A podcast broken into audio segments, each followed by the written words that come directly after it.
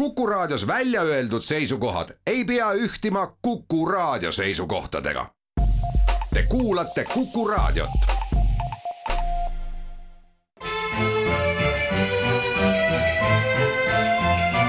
Memoria. muinsustervitus, siin Jüri Kuuskemaa noh, kestavad veel aastavahetuse nagu meeleolud ja toimingud nagu teada, president otsustas välja anda sada kuuskümmend seitse ordenit mitmesugust teenekatele isikutele ja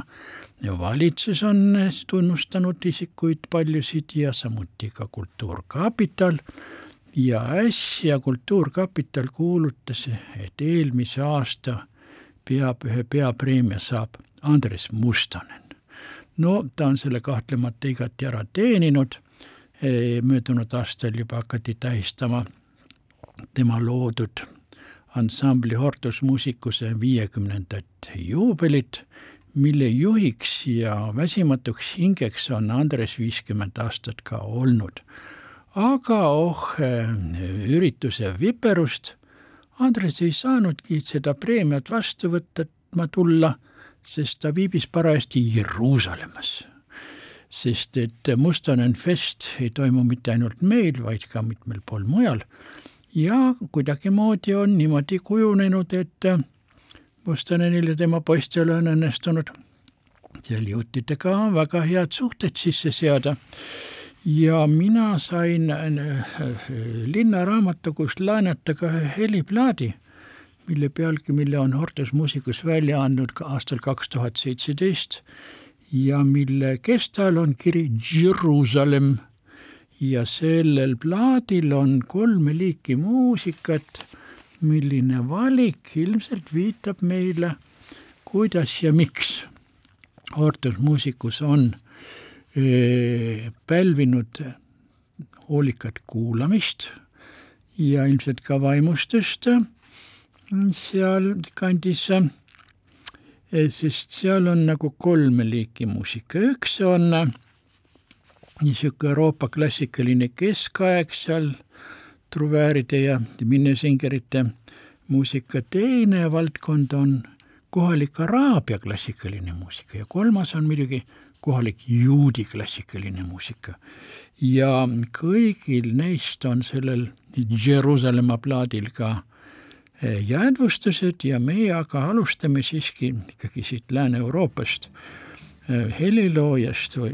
või minnesingerist, kelle nimi on vanema muusikasõpradele kõigile hästi teada, see on Walter von der Vogelweide, kellelt me kuuleme nüüd ühte esimest, esimest lugu ja see on Palestiina laul. nii et sobib ka sellesse piirkonda oivaliselt hästi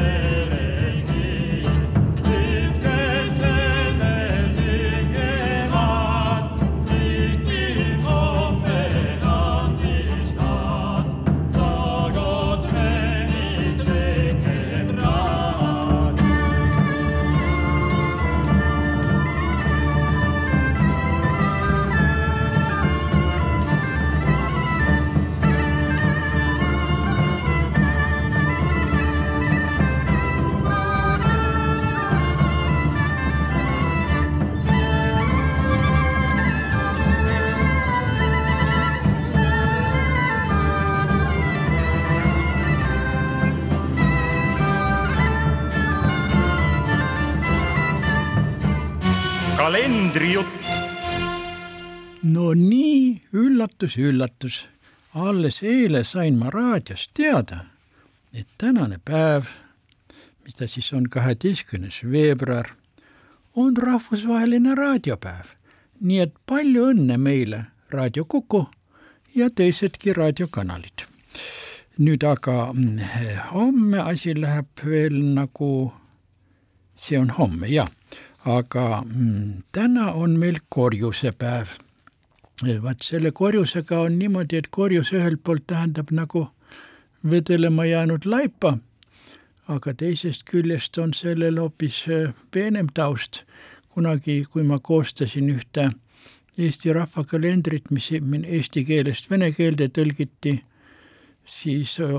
tõlkija ei saanudki aru, et see, see korjus on Gregorius, Gregorius Suur, paavst viiendast, kuuendast sajandist.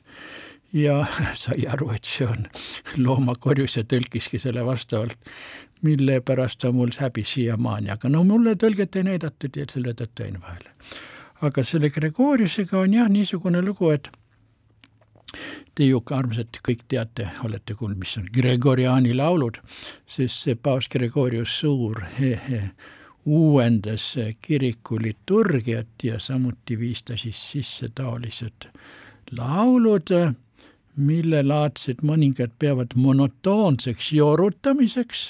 aga teised leiavad, et need on niisugused hästi meloodilised ja rahumeelsed ja eriti selle sinase niisuguse hektilise tänapäeva heavy levi roki ja tümpsu kõrval, nii et selles mõttes kahtlemata Gregoriaane kuulates kõrv puhkab ja hing puhkab ka. Ja kui paljudel ta siin neid laule kuulates just päris Jumala juurde jõuab, see on muidugi iseküsimus, aga eks ikka osalt ikka küllalt paljudel ka jõuab. nii et Gregorius Suur, jah äh,, üks hinnatumaid ja mälestatavamaid paavste, kelle tegevusajast on siis, mis ta siis on, nii tuhande viiesaja aasta ringis juba mööda läinud, aga keda mäletatakse ikka, aga no vähe sellest, meil on neljateistkümnes kuupäev on teine, nüüd meie jaoks võib-olla mitte järgmine seesamunegi mm, tähenduse kandja, see on Kirilli ja Metoodiuse päev. no armsad sõbrad, te kindlasti ju teate, et vene tähestikku nimetatakse kirillitsaks ja see on õigupoolest ju mitte ainult vene, vaid ka slaavi tähestik, mis, millesse on kombineeritud osalt ladina tähti, osalt kreeka tähti ja jumal teab, mida veel, no osa on muidugi ilmselt ekstra leiutatud. ja sellesama Kirilli poolt, kes oli ju nende sinaste slaavi hõimude seas missionäär mm, seal mm, kreeklastest põhja poole, kui sinna horvaatide ja sloveenide ja serblaste esivanemad olid kolinud. Mm, nüüd esimese, see oli siis juba esimese aastatuhande viimastel sajanditel, eks ole ja need missionärid leidsid, et ikka tsiviliseerituse hulka kuulub ka kirjakeel ja nad lõid selle. ja see on muidugi mm, niisugune keel, mis kirjaviis tähestik, mis on leidnud kasutamist paljude slaavi rahvaste juures, kuigi osa neist kasutab ka ladina tähestikku. ja äh, see kirillitsa on äh, vene hariduses niisugusel tähtsal kohal, et mulle tundub, et üsna paljudes valdkondades üldse ei peeta vajalikuks isegi viidata, et peale kirillitsa on veel mingeid teisi tähestikke olemas. näiteks eh, kui ma kunagi käisin veel Nõukogude ajal Leningradis NSV Liidu ajaloo keskarhiivis ja kirjutasin seal tellimuse muidugi vene keeli, aga alla kirjutasin siis nii-öelda ladina tähtedega oma nime. J Kuuskemaa siis ütles lugemissaali juhatajana mulle kord üllatuseks, et не подписывайте вперед своими странными литовскими буквами. ärge andke edaspidi allkirja oma kummaliste Leedu tähtedega. ta ei teadnudki, et on olemas ladina tähestik, kuigi tal pidi olema kõrgharidus, sest et kuidas ta muidu oleks saanud arhiivi lugemissaali juhatajannaks, see mind väga hämmastas. ja üks niisugune kents-, kentsakas episood oli, kui ma Tallinn tuuri rühmaga käisin, see oli, kus ma käisin, võib-olla polnudki Tallinn tuurirühm, aga me sattusime ja Austriasse ja siis ka mm, Serbiasse ja, Horvaatiasse.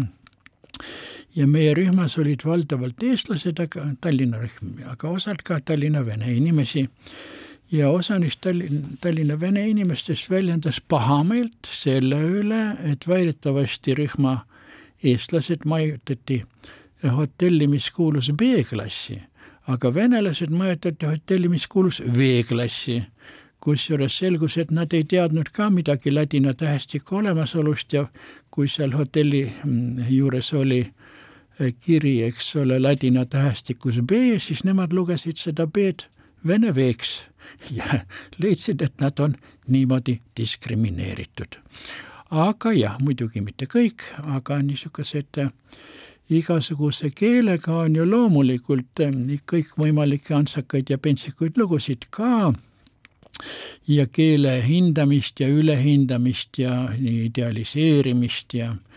ja nõnda või põlgamist nii-öelda alama klassi või alama, alamrahvaste niisuguseks teadmiseks, mida pole vaja üldse tundma õppida, ma, ma olen kohanud ka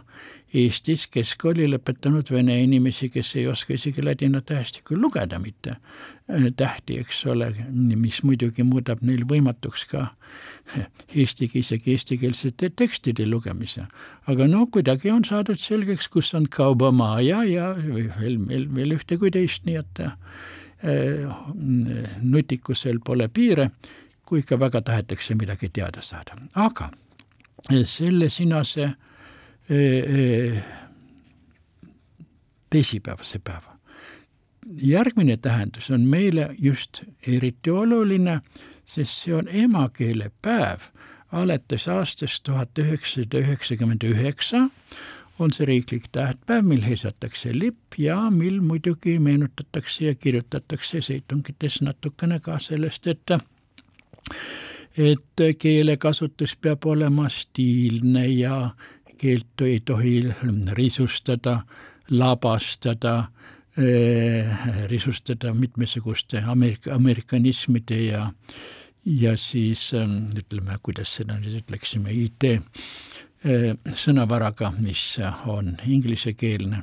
et tuleb leida ka uuemale niisuguse teadusterminoloogiale ja tehnoloogilisele terminoloogiale tuleb leida Eesti vasteid, millega osalt tegelevadki meil siin keeleteadlased ja muidu mõned muudki nutikad inimesed, aga osalt sellega ei tegelda ja sellega tegeldakse võib-olla liiga vähe. ja kui seda keele ilust rääkida, siis mina olen äh, arvamusel, et võib-olla isegi Klassika raadiostuudiosse peaks üles panema tahvli, millel on sõna kontsert ja kuidas seda õieti käänata sest et sõna kontsert, väärkäänamised on viinud isegi mitmete teiste sõnade väärkäänamiseni või käänamise viisi muutumiseni, milleks pole nagu põhjust. no, et tuua teile konkreetne näide, eks ole, kontsert nimetav, kontserdi omastav ja kontserti osastav, eks ole, aga uuemas kõnepruugis on millegipärast see omastav kääne muudetud niisuguseks tugevaks, mitte kontserdipilet, vaid kontserdipilet. ja osastav kääne, mitte ma ei kuulanud kontserti, vaid ma kuulasin kontsertit ja sellest kontsertit on tuletatud ka mitmuse omastav mitte kontsertide, vaid kontsertite. ja sellest on edasi, see on läinud nagu kulutuli paljudele võõrsõnadele nagu gümnaasium, mitte gümnaasiumide, vaid gümnaasiumite, muuseumide, vaid muuseumite, kolleegiumid ja muud selle sarnased sõnad on selle tõttu saanud ka siis nii-öelda moderniseeritud käänamise osaliseks. aga ma pean tunnistama ka seda, et kui ma kuulan niisugust lohakat keelekasutust nagu näinud, kuulnud, öelnud, siis ma nagu eh, kui on tegemist näiteks muusikainimestega, siis ma mõtlen, et ilmselt neil inimestel ei ole korralikku kõrvakuulmist, et nad, kui nad ei oska nii-öelda mm, käibekeelt korralikult jäljendada, siis kahtlane, kas nad ka neid, seda muusika helistikku suudavad kuulata ja sellest aru saada, on kahtlane. No ja muidugi on siis ka niisugust sõnavara, mis muidugi ajab minul karvad turri, näiteks pra-, sõna praegu asemel mõnedki ütlevad praegult. aga sellist looma nagu praeemis või ajamäärust pole seni veel leiutatud. ja samuti ärritab mind ka, kui öeldakse vanaisa tüdruksõber. no pagan võtaks vanaisal, vanaisa vaevalt nii väga tüdrukutega sõbrustab, välja arvatud oma lapselapsed ilmselt, aga siis on tüdruksõber inglise keelest üle võetuna muidugi võiks eesti keeles valdavalt tähendada sõbrannat, sõbratari, armukest või elukaaslast, eks ole, aga nii need asjad käivad, et, et mina selle peale kõhatan või hing tikub kurku kinni jääma. Aga eh, neljateistkümnes kuupäev on meil siis mitte ainult vene keele tähestikku ja eesti keelepäev, vaid selles on veel üks tähtpäev on siin olemas. ja rahvusvaheliselt on selleks ju vastlapäev. ja selle vastlapäevaga on niisugune lugu, et millal see siis algas? See on üks väga vana tähtpäev ja mida ta tähendab, ta tähendab seda, et et saksakeelne sõna fasten, see tähendab paastuma. ja see ongi paastuaja algus, eks ole, mis, mis meil on sellega seotud.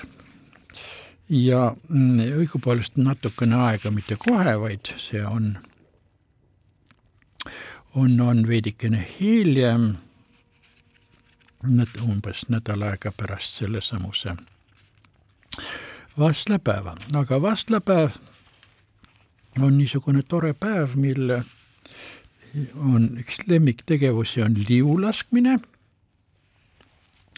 ja selle liu laskmisega on niimoodi, et et see on ka maagiline ja see maagilisus peab väljendama siis viima selleni, et eriti lina. ja vili kasvaks väga hästi,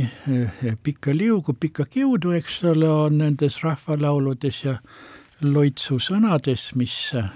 vastlapäeval kuuldavale tuuakse ja muidugi eks see tütarlastele sisendab see ka lootust, et neil on siis seda eh, head juuksekasvu ka, sest et pikad juuksed on ju toredad tütarlaste peas vaadata kuni äh, abiellumine, vähemasti vanasti, sundis juukseid koomale tõmbama, kokku siduma ja tanu alla varjama. aga mm, selle sinase vastlapäevaga on lood selles mõttes keerukad, et, et, et nende, see on liikuv püha ja siis Mm, selle liikuva pühaga on niimoodi, et ta langeb tingimata teisipäevale ja siis ta peab olema ka ühtlasi, see on noor kuu selle, sel teisipäeval ja sealt jääb siis seitse nädalat lihavõtteni. Et niisugune rehkendus on seoses selle sinase, selle sinase pühaga, aga meie head kuulajad oleme võib-olla ennast liiga, liialt unustanud rääkima kalendrist, aga igatahes see on ju üllatav lausa, et eks ole, et sel neljateistkümnendal või teisipäevasel päeval seda koormavad kogu kuni kolm meelespidamisväärset päeva, mis, millest see emakeelepäev toob kaasa ka teatud aktsioonid ja manitsused meile kõigile, et me eesti keelt ei väänaks, ei rüvetaks, vaid imetleksime selle ilu ja püüaksime selle ilu arenguga kaasas käia ja mõnikord võiksime ka mõelda, et kui me tahame midagi kiita, kas me peame siis ütlema alati äge, nagu praegu on kujunenud selliseks lemmiks ütluseks, vaid võib-olla me leiame palju teisigi sõnu, epiteete, mis väljendavad mingisugust positiivset ja toredust ja kenadust ja, ja kütkestavust ja hurmavust ja sulnidust ja mitmesuguseid muid teisi omadusi, mida praegu üritatakse kõik sõna äge sisse ära uputada.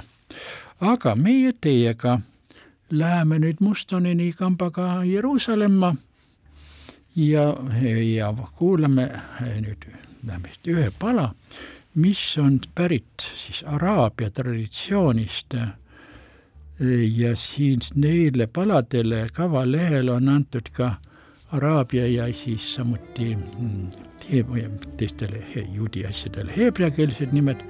millest noh, mina aru ei saa, aga ma ütlen teile igaks juhuks, et see araabia pala kannab sel paadil nime Lammabula.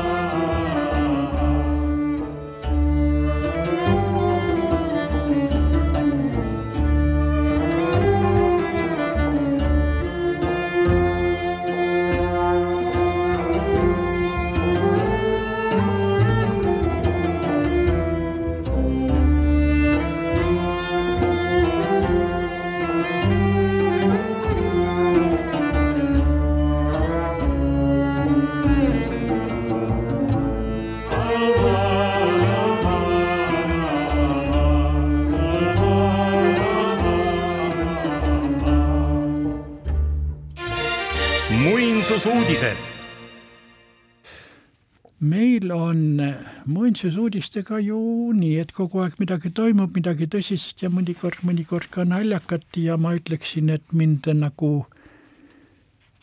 reedel sain ma omamoodi tõelise jahmatuse, mitte päris šoki osaliseks, kui ma läksin mööda Kiikende köögitornist ja korraga kuulsin sealt lehma ammumist. No selle peale võiks öelda vanamoeliselt, tule taevas appi, kuidas need lehmad sinna kitsende kööki on sattunud. see on ju sõjatorn, et võiks olla, et või mõni ennast sinna Liivi sõjast peale unustanud sõjameest röögib seal mingisuguseid mm, sõjahüüde, aga lehm aga siis tuli mulle kohe ju meelde, et see aga Kikinde kökk on ju ometi nüüd linnamuuseumi osakond ja seal kahel korrusel on ikka veel näitus Linnaloom, mis muidugi on laiem kui oma nimi, sest lisaks hobusele, lehmale, seale ja lambale on seal sinna asunud ka täi, kirp ja lutikas, eks ole, kes just päris, keda vist päris loomadeks pidada ei saa, aga no elus olevast ikkagi on. nii et see rahustas mind, aga eh, kui nüüd võtta nii, et tõsiselt, siis jah, mind võlus teade, et elude preemia on saa pälvinud selline kena tegelane nagu Kersti Lootus, eks ole, kes on ju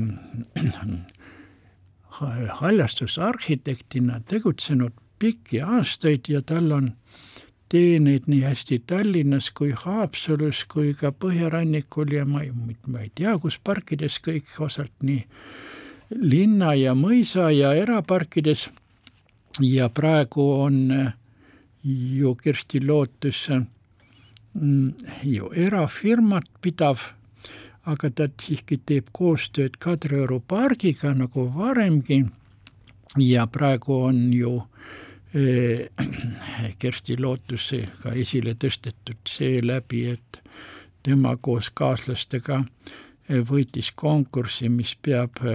muutma huvitavamaks lauluväljaku, eriti ülemise otsa, mis peab pälvima rohkem funktsioone ja rakendust, et oleks seal huvitavam käia ka siis, kui pole laulupidusid ega suuri kontserte. või kui pole, no jah, ütleme alates talvel muidugi natukene kiiduväärne on ka kelguilm, aga samal ajal võiks seal üleval olla ka veel midagi, mõni kohvik või restoran või või midagi niisugust, kus saaks noh jah, inimene, kes sinna jalutama läheb, nii jalga puhata ja, ja meelt, meelt lahutada. ja samas äh, on mul muidugi hea meel ka, et terve rida teisi toredaid inimesi on saanud esile tõstetud nende Sinase riigi ja Kultuurkapitali poolt. Nii et see on kõik ju väga tore. aga nendest, kui me nüüd rääkisime siin, eks ole, tähtpäevadest mida tähistada kalendrijutus, siis tähistamist väärib vaat kaks, üks sajane, üks saja kahekümne viie aastane tähtpäev. no sajane on seotud sajaaastaseks saava inglise keele õpetajannaga, kes on Ameerika päritolu, nunn, eesti keelt ei oska aga on ometi olnud siin vanalinna koolis meie poistele niisugune särav inglise keele õpetajana, et näiteks kui äh, tema tuli klassi ette, siis ta rääkis nendega ainult inglise keeles, aga tal olid nii ilmekad žestid, kehakeel ja näitlikumast, näitlikumist, näitlikustamisvahendid, vabandust, mu keel läks sõlme korraks et kevadeks rääkisid need poisid juba inglise keeles. ja edaspidi sõnavara muidugi rikastus ja minu poeg Mats oli tollal võib-olla natuke ülemäära unistaja ja üks lause, mis on meile naisega mällu jäänud, mida tema ütles, Mats, come down from the moon, Mats, tule kuu pealt alla. Ja seda oli vaja ikka korduvalt korrata, aga sellest oli ka kasu, sest Mats omandas juba kooli ajal niisuguse aktsendivaba ilusa inglise keele. Ja siis Demiri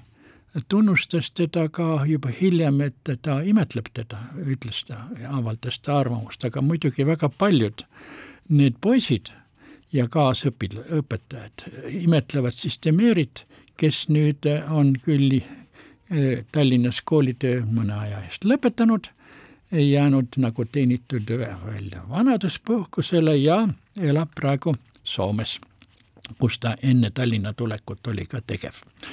Nii et, et palju õnne siis Demiri ja selle õnnesooviga ühinevad väga paljud eh, Tallinna vanalinna hariduskolleegiumi lõpetajad ja õpetajad ja ka lapsevanemad.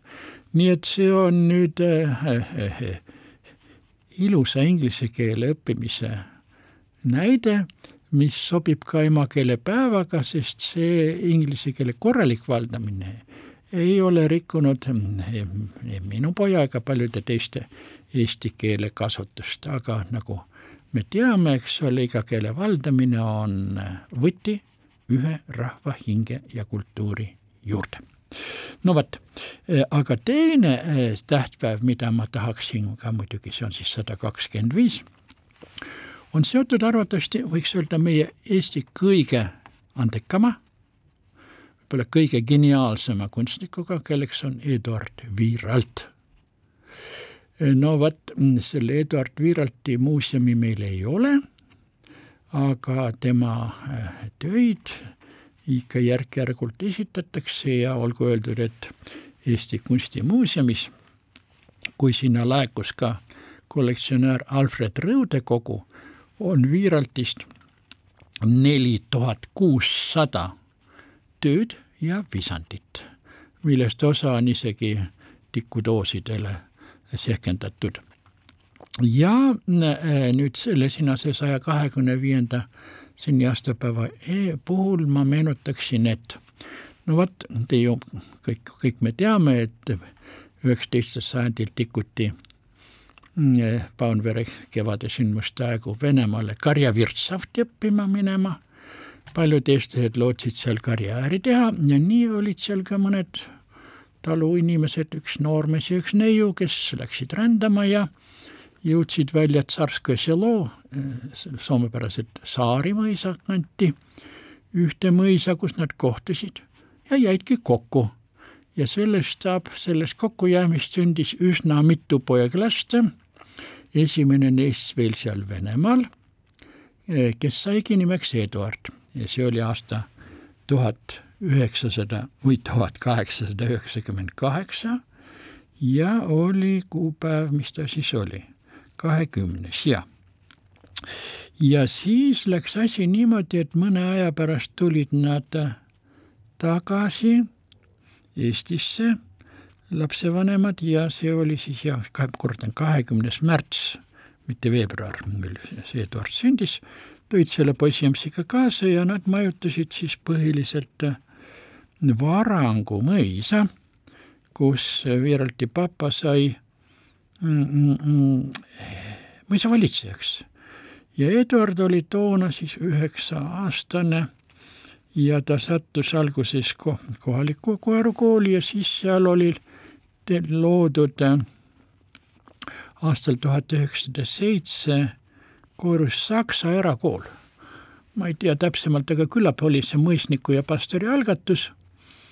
Ja paljud eestlased ju eelistasid toona veel üldse saksakeelset haridust, et sotsiaalsel redelil tõusta. Ja küllap nii oli siis ka Viiraltite perekonnas. Ja Eduard sai seal suhu nii saksa keele, eks ta seal Venemaal oli juba ilmselt vene keele suhu saanud. Ja selles küll kujutage ette koeru erakoolis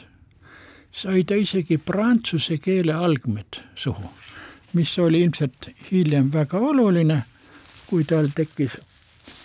huvi Pariisi minna, et seal ennast täiendada ja üldse selle tollase maailma kunstipealinnast osa saada. no vot, ja tema see nii Viiralt pärast kooli lõpetamist astus Tallinna mm, rakenduskunstikooli, kus, kus ta läks üle Pallasesse, kui see rajati, Pallase kunstikool tuhat üheksasada üheksateist ja lõpetas selle esimesel lennuaastal tuhat üheksasada kakskümmend kolm. ja siis läks Dresdenisse ja siis ka tuhat üheksasada kakskümmend viis ta oli saanud stipendiumi enesetäiendamiseks Pariisis, kuhu ta läks ja kuhu ta jäi mõningate pausidega kuni elu lõpuni. Ja esimene raks oli siis tuhat üheksasada jah, kakskümmend viis kuni kolmkümmend kaks, mil ta oli leidnud ka ühe metseenitari, kes sai ka tema sõbrannaks, keda ta siis kujutas ka mitmel puhul ja kellele ta kinkis väga palju oma töid. ja vaata selle, tema see sinane daam suri aastal tuhat üheksasada viiskümmend viis tema nimi oli Nelli Stults Strasbourgist ja neil oli ilmselt siis ka niisugune tore armulugu. ja vot, kui see Nelli Stults suri, siis äh, ei tea, mis tema valduses oli terve hulk Viralti töid. ja need sattusid aastal kaks tuhat kaks Pariisi antik-, kellegi antikvari kätte, kes pani nad, hakkas neid oksjonile panema ja nendest töödest olid huvitatud kolm Pariisi antikvaari, kes mõtlesid, et jagavad need selle materjali kolmeks ja müüvad siis laiali, siis oleks see kogu täitsa kaotsi läinud ja ei, me võib-olla ei teaks ega kuuleks ega poleks sellest kõige vähematki kuulnud, aga nüüd juhtus niimoodi, et sinna Pariisi sattus sel ajal mm, Soome helilooja ja muusik Juhani Komulainen. temaga oli selline lugu, et ta pidas kontakti eestlastega ja kord oli sattunud siin Tallinnas Lilian Semperi koju Tallinnas, kus seinal oli Viiralti tiiger kaskide vahel. ja vaat see tiiger jahmatas ja lummas Komulainenit niivõrd, et ta hakkas selle Viiralti vastu huvi tundma, oli temast võlutud ja kui siis Pariisis nägi, et on nelikümmend, mis see oli, nelikümmend neli, jah, Viiralti tööd on korraga ühes oksjonimajas, siis ta pani rattad käima ja trumpas need kolm Pariisi antikvari üle, kes tahtsid selle kogu nagu jagada ja laiali kanda ja ostis selle kõik ära. Ja siis kuskilt sai ta veel neliteist äh, Viiralti tööd lisaks ja kokku siis viiekümne kaheksa Viiralti tööga pöördus ta tagasi Helsingisse ja ta ei jäänud selle kogu otsa unistama, nagu oleks paljud teised teinud, vaid ta hakkas aktiivselt tegema näitusi. Ja need näitused jõudsid, on jõudnud siiani paljud, õige paljudesse kohtadesse, nagu näiteks on olnud nii hästi nii Helsingis kui ka Tartus kunstimuuseumis ja meil Toompea lossis Riigikogu jalutusruumis ja Pariisis ja Belgias Eesti saatkonna ruumides ja ja nii edasi. Ja nüüd on galeriis Vernissage, äh, mis paikneb seal endise äh, õllerestorani Hašeki juures või Šveiki juures, eks ole, Uue tänava nurgal. Ja selle äh, nüüd Komulaineni kollektsiooni juurde on veel teise mm, härrasmehe eh, materjalid, see on siis Henri Radeval mm, Soomest, kes on ka kogunud eh, Viraltit üsna palju. Ja kes koos Männiliga eh, tegi suure Viralti annetuse Eesti Rahvusraamatukogule, kus Trepil Harulduste fondi näitusesaali juurde on tavaliselt väljas need Viiralti tööd, mida Radeval ja ja Männil on Rahvusraamatukogu kinkinud ja nad rajasid ka sellisest stipendiumifondi, et stipendiaadid vähemasti esimestel aastatel said igaüks kingituseks ühe Viiralti originaalteose.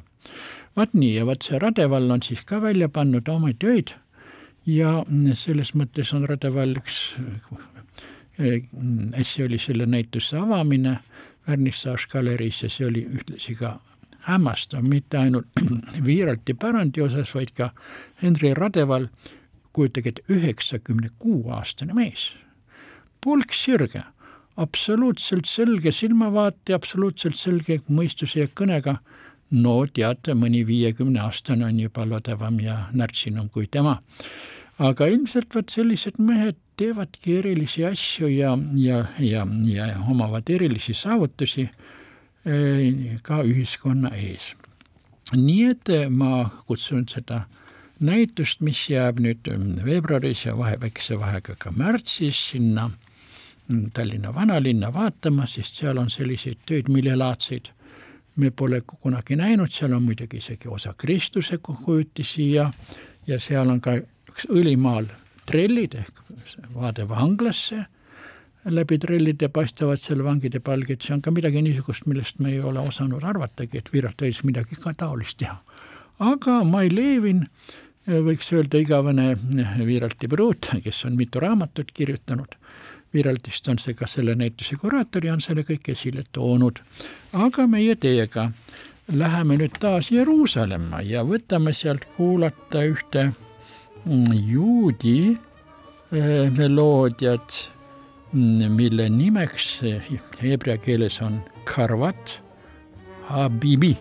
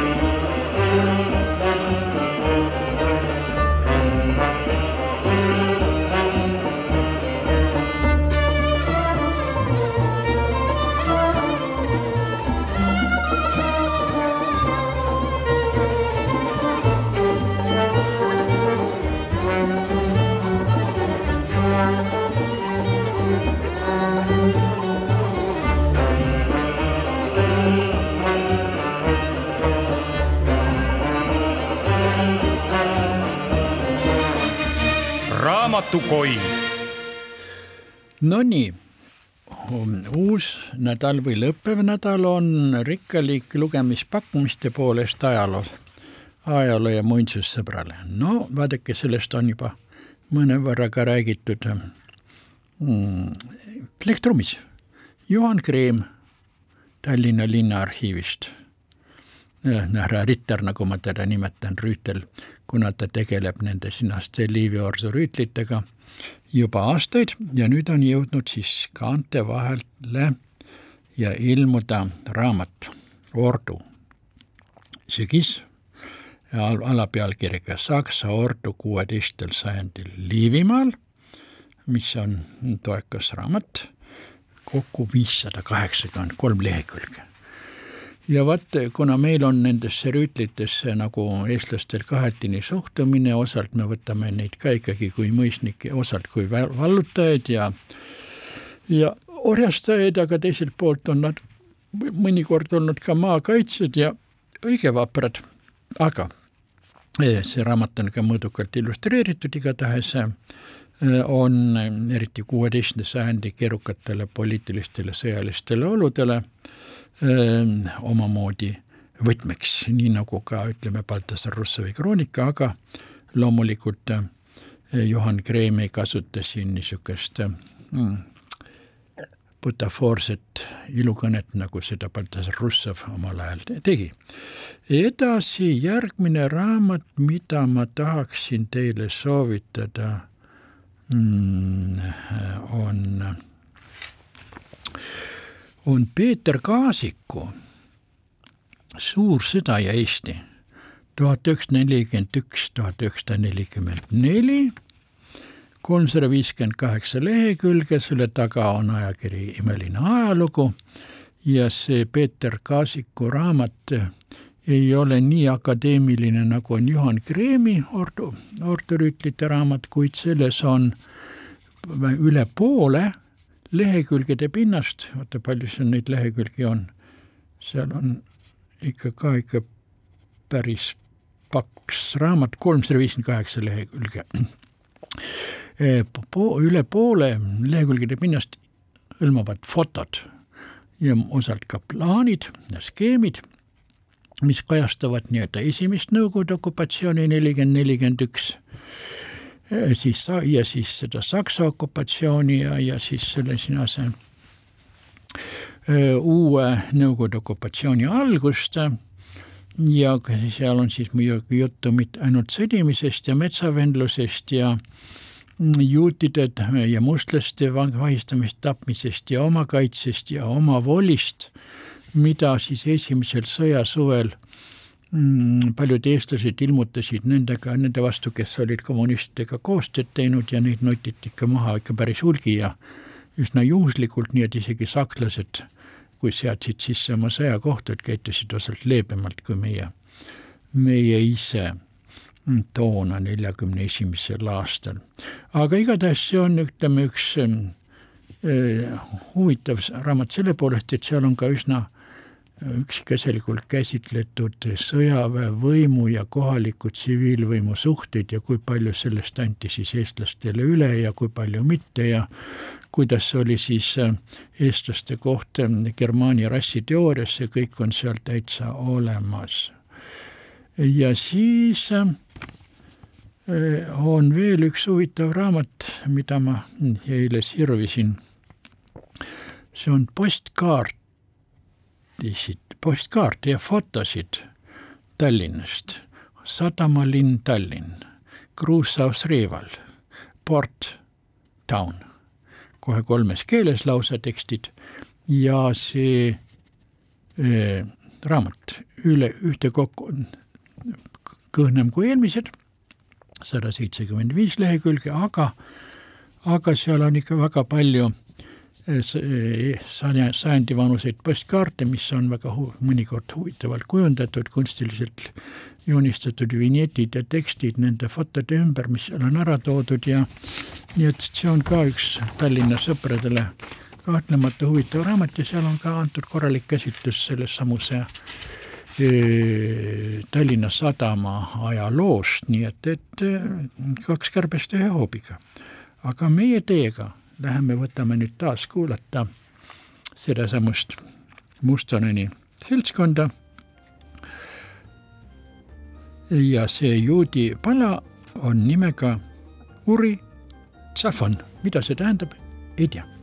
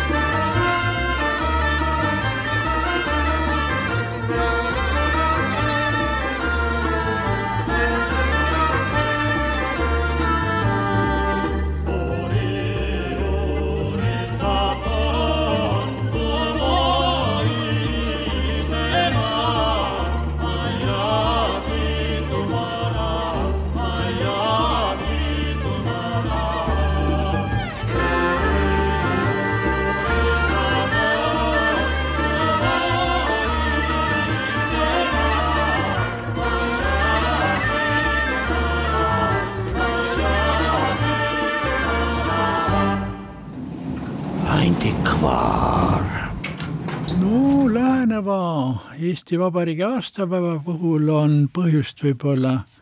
meenutada mõningaid Eesti riigi reliikviaid ja nendest on võib-olla mm,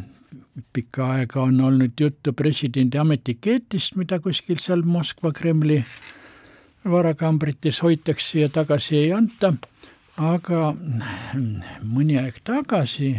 see oli seal küll, tõsi küll, juba meie uue aastatuhande algus oli selline vahejuhtum, et keegi teatas Riigikantseleisse, et on leitud äh, peedikust, kuhu papa peetis. Mm, Eesti Vabariigi pitsat. et niisugune asi on olemas olnud, selle kohta on ju teateid. Ja sellega signeeriti, eks ole, Eesti Vabariigi tähtsamaid ürikuid ja oli teada, et aastal tuhat üheksasada kakskümmend viis telliti Londonist selline pitsat, metallist muidugi, aga kui tuli Nõukogude võim, siis see kadus ära. arvati, et see on tõenäoliselt hävitatud, aga keegi oli see vist presidendi kantselei töötaja toona, hiivas selle ära ja peitis ära oma kuuri põranda alla peidikusse ja vaikis. Aga ta siiski lastele oli nagu midagi öelnud, aga ta, ma ei tea, kas ta siis ei jõudnud ära oodata uue Eesti aja algust, igatahes see oli juba toimunud ja mõnda aega, oli vist kahe tuhandendal aastal, kui keegi lastest meenutas, kuule, paps rääkis meile ju sellest mingisugusest pitsatist, otsime selle õige üles. Ja nad kaevasidki kuuripõranda alt välja metallist pitsati, mis on oma läbimõõdult noh, võib-olla umbes, kas ta siis on kümmekond sentimeetrit umbes hõbedase ilmega, kuigi ilmselt tugevamast metallist, mingist terasest, et ta ei kuluks nii kergesti, eh, kui pitsatit lüüakse kirjalakile või vahale ja nüüd on see, see jõudnud, muidugi seal keskel on siis lõvivapp ja keskel ja kiri. See on jõudnud Riigikantseleisse ja Riigikantselei, mis pesitseb nüüd Stenbocki majas, on seal vapisaalis välja pannud nii hästi selle Eesti Vabariigi pitsati kui ka mitmeid dokumente, sealhulgas on ka Äh, Eesti iseseisvuse deklaratsiooni või manifest Eestimaa rahvastele ja Tartu rahulepinguga see dokument, aga nendest ma räägin teile millalgi hiljem, aga praegu olgu kostituseks veel üks pala Mustoneni ansamblit Hortus Musicus. Kuulmiseni!